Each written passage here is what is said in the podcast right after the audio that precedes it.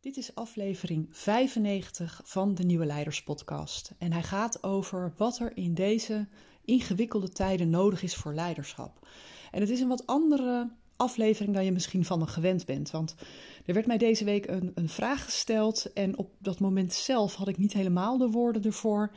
En die uh, kreeg ik eigenlijk pas later, uh, werd het mij wat duidelijker hoe ik daar eigenlijk op had willen reageren. Dus dit is een uh, aflevering waar mijn persoonlijke ja, overpeinzing te horen is naar aanleiding van die vraag hoe we vooruit kunnen gaan ondanks de enorme spaghetti aan crisis waar we ons op dit moment in bevinden.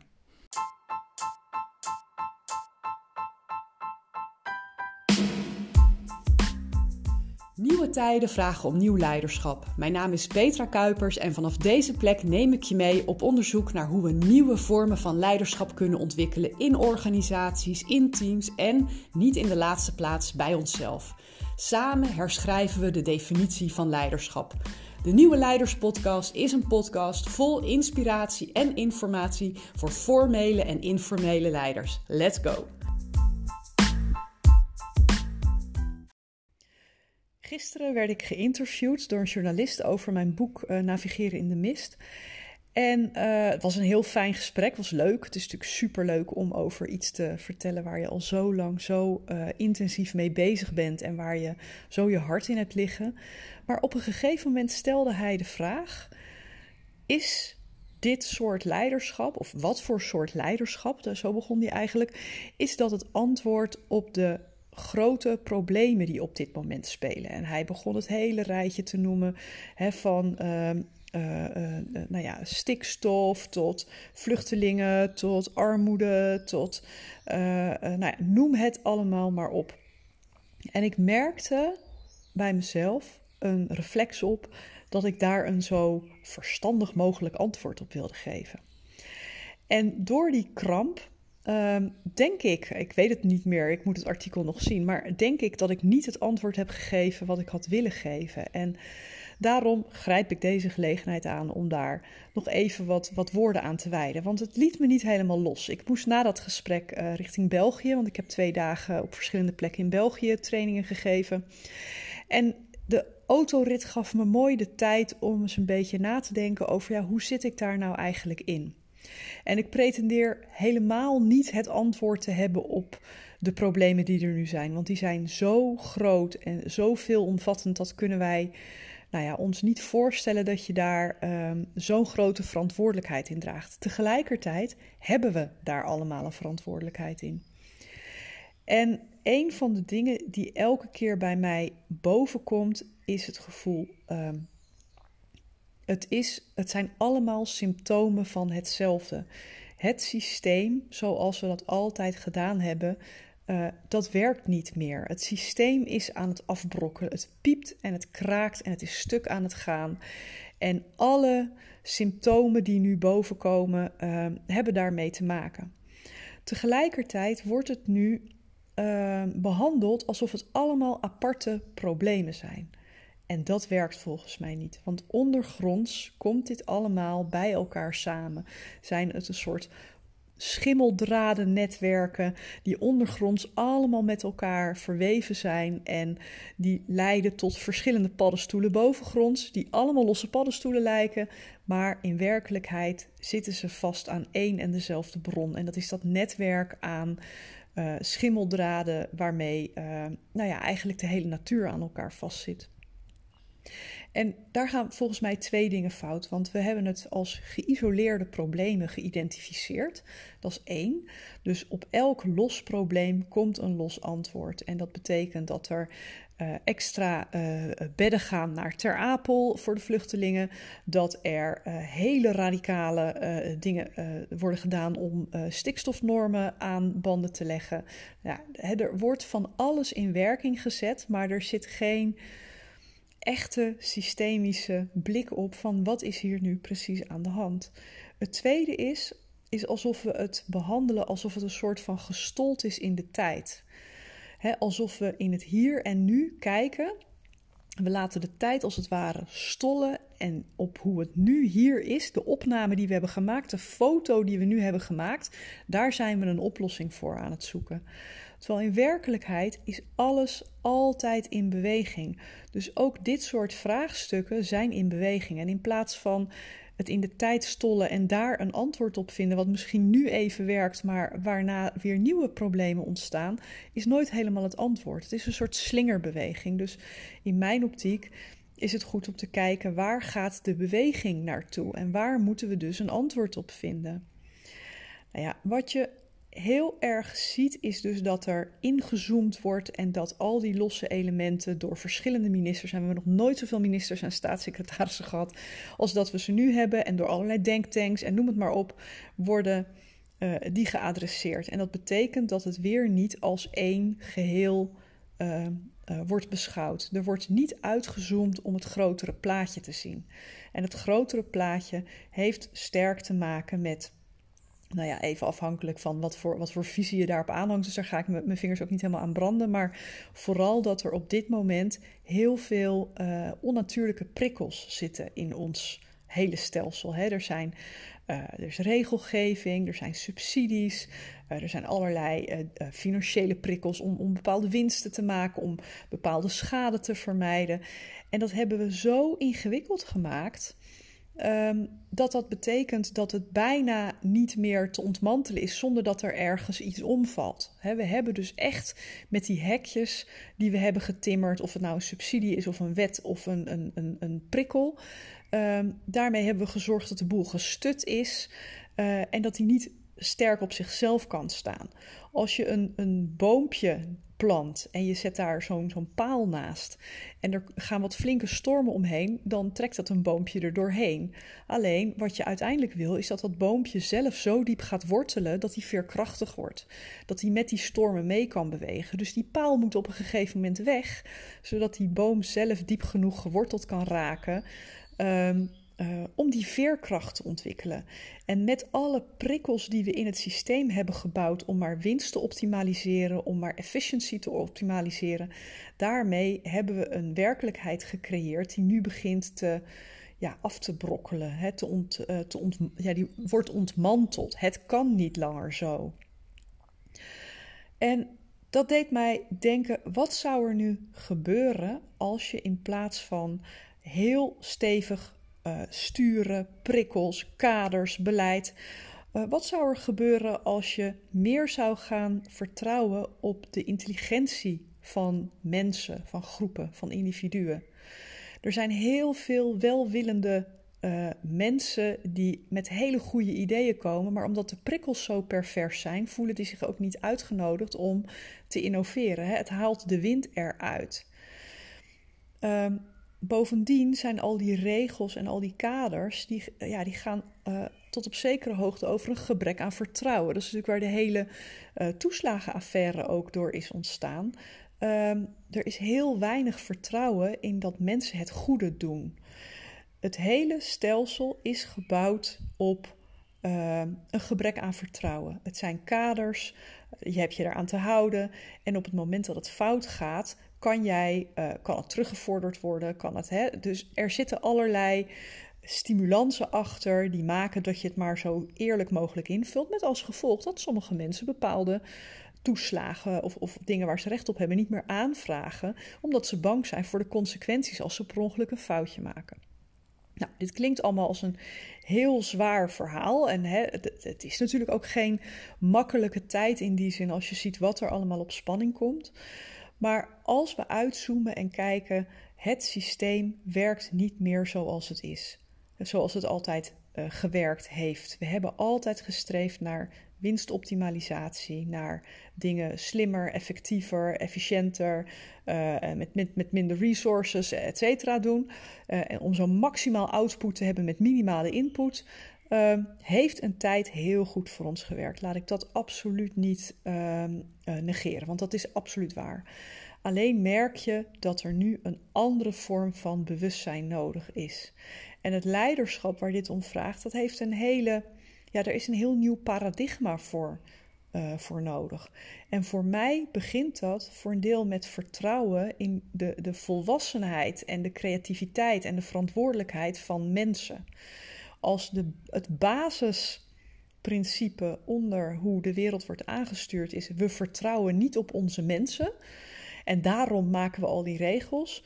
Ja, dan houden we elkaar in een soort krampachtige ja, worsteling vast. Want dan kunnen we er nu ook heel lastig uitkomen. Ik pretendeer niet dat ik hier de juiste antwoorden op heb, maar juist als het zo ontzettend overweldigend voelen dat alles met elkaar samenhangt en dat alles op dit moment op spanning komt te staan, dan zijn er een paar dingen die mij persoonlijk helpen om uh, uh, toch in het oog van de storm te blijven staan. Je wilt eigenlijk een beetje in dat centrum van die centrifuge blijven en niet met al die stormen meewaaien, omdat je daar ja, uh, weinig waarde kunt toevoegen. Ik heb aan mezelf gemerkt dat ik een aantal strategieën moest gaan toepassen om mee te bouwen aan wat we wel willen, in plaats van continu verlamd worden door wat er allemaal speelt.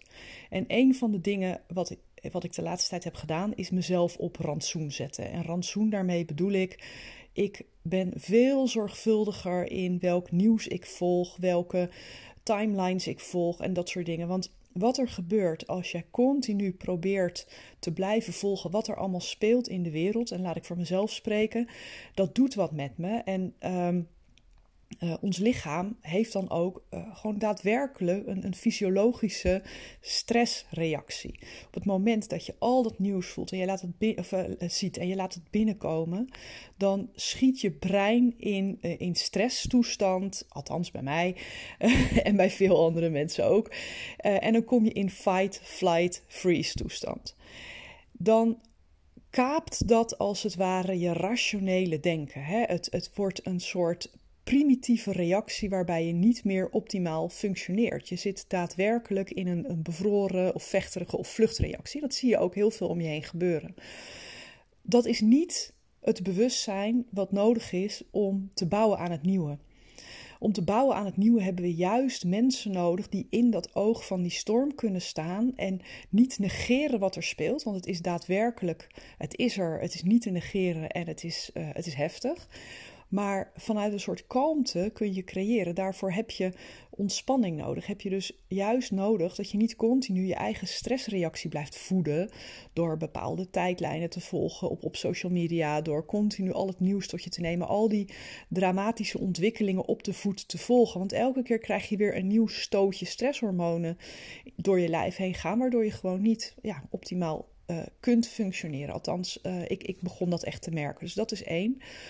Um, het tweede uh, wat ik uh, heel duidelijk zie is. Um, het voelt banaal wat jij in je eentje doet. Het lijkt heel klein, het lijkt triviaal. Maar de optelsom van allemaal triviale acties zorgen er wel voor dat we met elkaar een enorme beweging op gang kunnen brengen.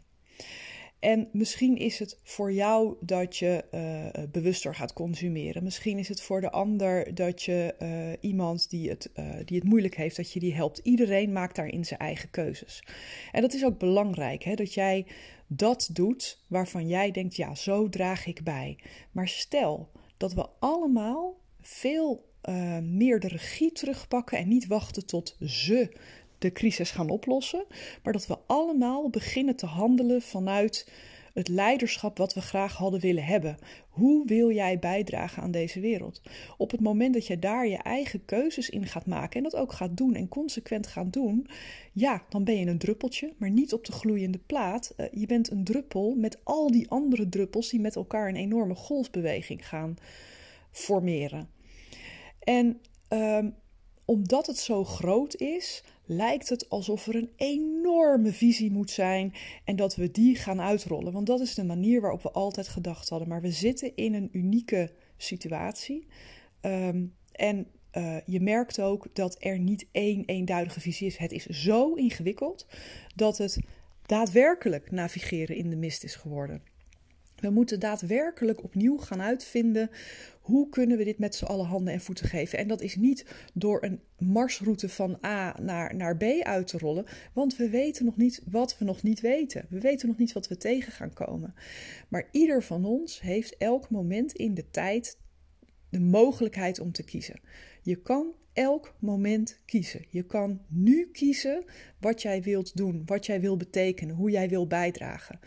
En in plaats van dat je je laat verlammen door al het nieuws wat er over je heen gestort wordt. En wat, wat ook gewoon speelt. Hè? Want ik, ik wil absoluut uh, ook gewoon uh, weten wat er speelt. Op de hoogte zijn. Maar niet op een niveau dat het mij verlamt. Want als we ons allemaal laten verlammen, dan doet niemand wat dan ook meer. En je hebt meer macht dan je denkt. Je kan altijd andere mensen helpen. Je kan als je uh, uh, op social media actief bent, kan je positieve boodschappen uh, kan je, schrijven. Wat dan wel?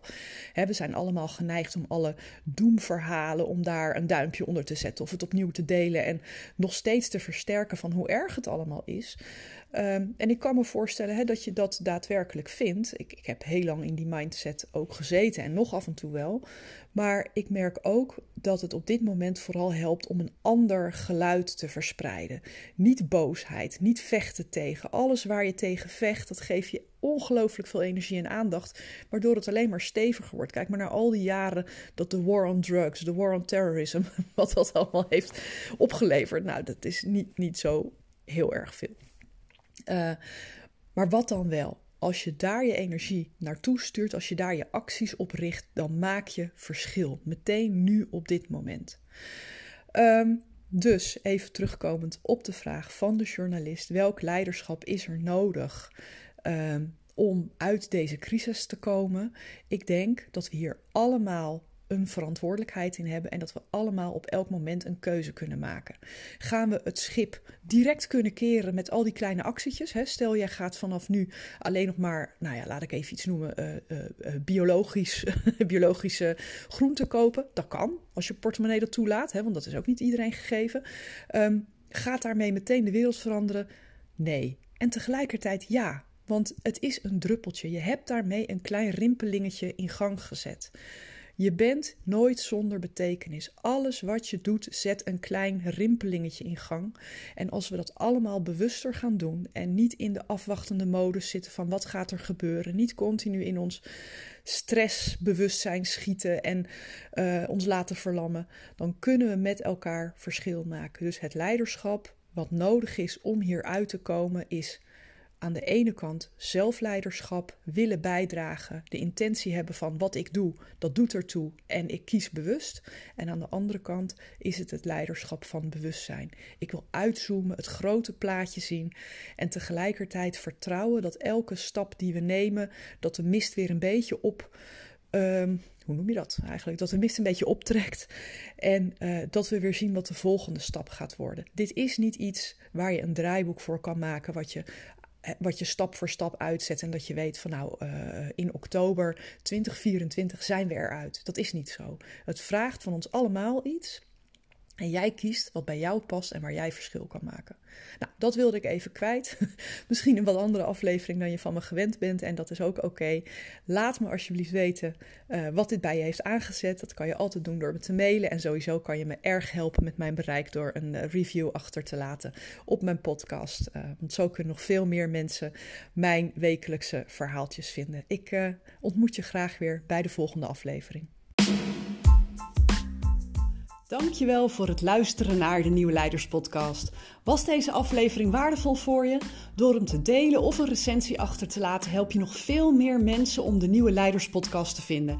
En vergeet niet de podcast te volgen zodat je niets meer mist. Ik tref je graag bij de volgende aflevering.